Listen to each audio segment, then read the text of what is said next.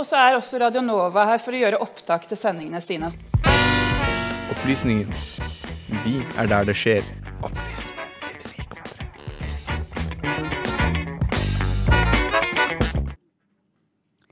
Ja, akkurat nå så foregår det et eh, ganske kjent møte nede i Dubai. Det er nemlig FNs klimatoppmøte COP, der over 190 land møtes årlig for å diskutere de store klimaproblemene. Men eh, klimaproblemene varer jo, klimatoppmøtene klimatoppmøtene varer jo knapt to uker.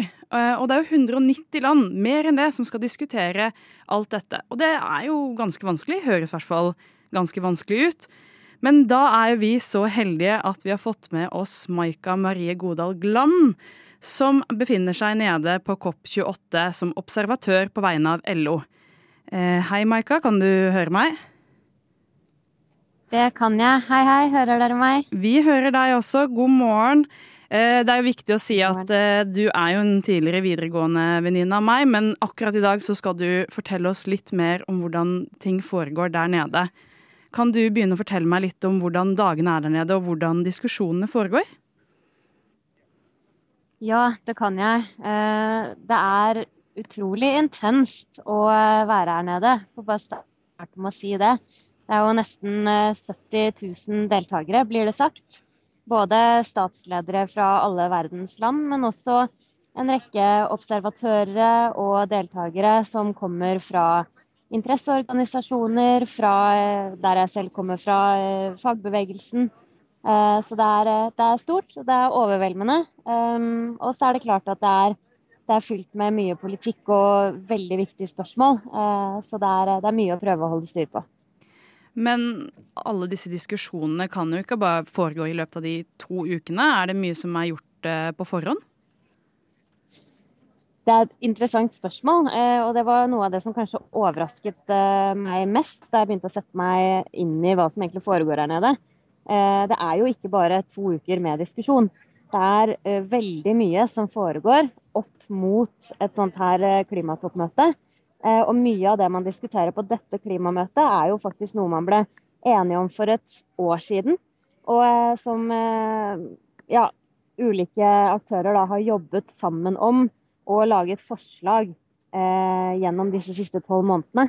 Eh, hvor det da er det forslaget Eh, man, eh, man, i stor grad diskuterer i løpet av, av disse to ukene. Så man har f.eks. Eh, det har vært mye, mye, oppmerksomhet knyttet til dette tap- og skadefondet. Eh, som ble vedtatt at man skulle etablere i fjor på koppen i Egypt. Eh, som man da faktisk allerede har, har, klart å lande store deler av. Eh, allerede i løpet av dag én da, i, i går i, på dette toppmøtet. Det er jo helt fantastisk at man har kommet så langt på bare én dag. Eh, hva er det det fondet går ut på, vet du det? Ja, så det fondet er i korte trekk, så handler det om å um, ja, om å skaffe finansiering uh, til land som opplever uh, skader og tap som følge av klimakonsekvensene. og så er det jo masse diskusjoner rundt hvordan dette fondet skulle se ut.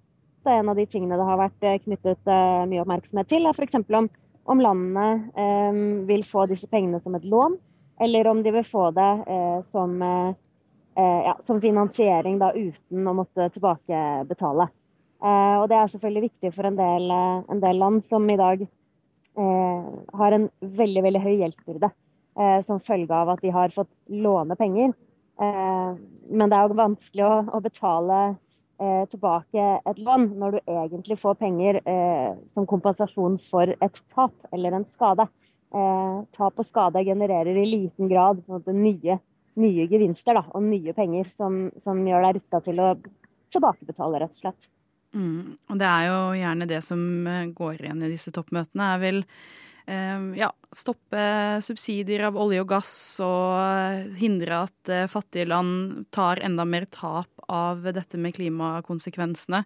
Er det noen andre ting eh, du ville trekket fram som positive eller negative ting som har skjedd i løpet av toppmøtet så langt, selv om det bare har vært eh, de siste 24-48 timene?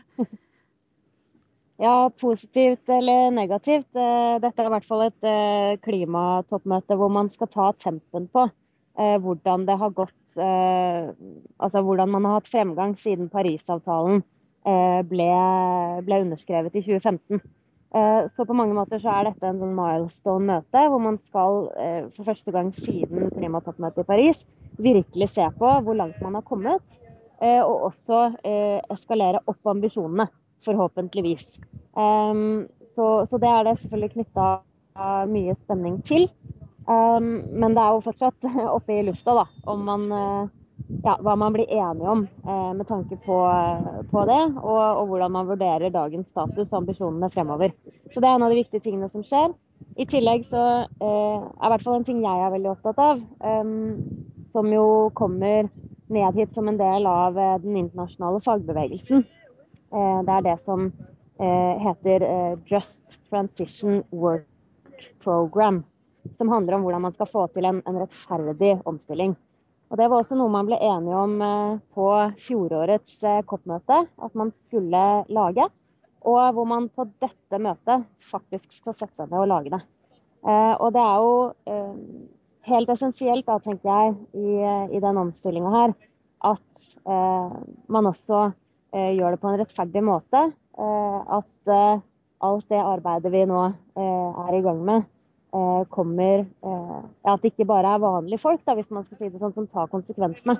Men at vi deler konsekvensene, byrdene og godene på en rettferdig måte. Sånn at vi alle sammen er med på å dra lasset, og at folk fortsatt har trygge, gode liv å leve videre.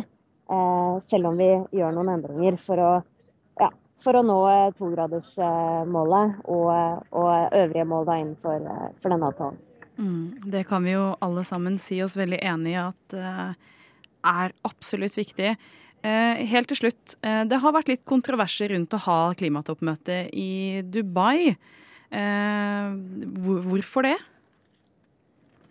Ja, hvorfor det? Det er veldig, det er veldig spesielt, hvis man kan si det sånn, at at eh, det møtet som skal forene verden rundt eh, grønn omstilling, holdes i et av de eh, mest oljevennlige landene i verden, og ledes av en, en av de som står fremst i, i oljebransjen her nede. Um, så det er klart at, at, det preger jo stemningen på møtet, og det preger uh, nok særlig diskusjonen man skal ha om, om utfasing av olje og gass. Og det er helt klart uh, ulike interesser i det spørsmålet her. Men så har jeg også lyst til å si at til tross for det, så um, har det vært veldig tydelig fra, gjennom talene til presidenten uh, for dette COP-møtet at uh, de ønsker action, og så ønsker de den raskt. Og de ønsker at vi skal få til gode og produktive forhandlinger her nede. Så gjenstår det å se hvilken hva de egentlig mener med det. Mm. og eh, ja, det har jo vært eh, noen lekkasjer eh, rundt at De forente emiratiske statene har en, en, agenda om å fremme sin egen olje, oljelobby her nede. Så det er klart at det også preger, preger stemninga. Ja. Det er så spennende å høre hvordan det går der nede. Dessverre har vi ikke mer tid eh, til å snakke om det akkurat nå. Men tusen, tusen takk, eh, Maika, for at du kunne stille og svare på alle våre spørsmål. Vi ønsker deg lykke til der nede i Dubai, og så får vi håpe at ikke du renner bort av svette der nede. Det er nok ganske varm, mye varmere enn her, for å si det sånn. Takk skal veldig du ha. Veldig varmt og veldig varmt å skulle gå rundt i dressjakke. Tusen takk for at jeg fikk lov til å komme. ja, så snakkes vi. Ha det godt. Ha det godt.